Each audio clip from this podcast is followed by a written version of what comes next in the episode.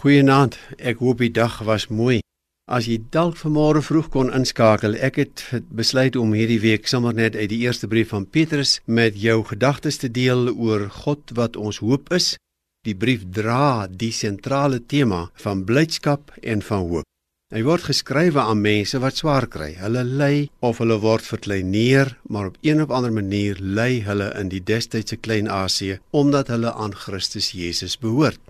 En Petrus skryf die brief om hulle te bemoedig, om hulle hoop te gee en die brief dra dwars deur die woordjie hoop as God se boodskap aan ons wat baie keer ook intens swaar kry. Vanoggend het ek op die eerste en die tweede verse bietjie klem gelê met die gedagte God is self ons hoop. En vanaand net nog 'n ietsie daaroor. Ek het vanmôre een sinnetjie gebruik wat ek wil herhaal en dit is dat ons wat lewe, vandag lewe, so dikwels ons hoop koppel aan mooi tekens. As daar tekens van hoop is, dan hoop ons. Maar hierdie mense moes hoop terwyl daar nie sulke tekens was nie. Hulle ly en hulle kry swaar en is asof die brief hulle wil herinner daaraan reg aan die begin dat om te hoop is eintlik om met God rekening te hou. Dit maak nie saak wat jou omstandighede is nie. God weet van jou. En dit maak ons dag en nag mooi.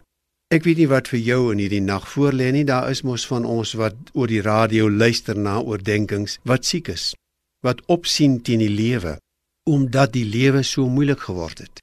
Mag ek maar net weer vir jou aan die einde van nog 'n dag herinner. God weet van jou. En sommer net weer die woord lees in 1 Petrus 1 vers 2.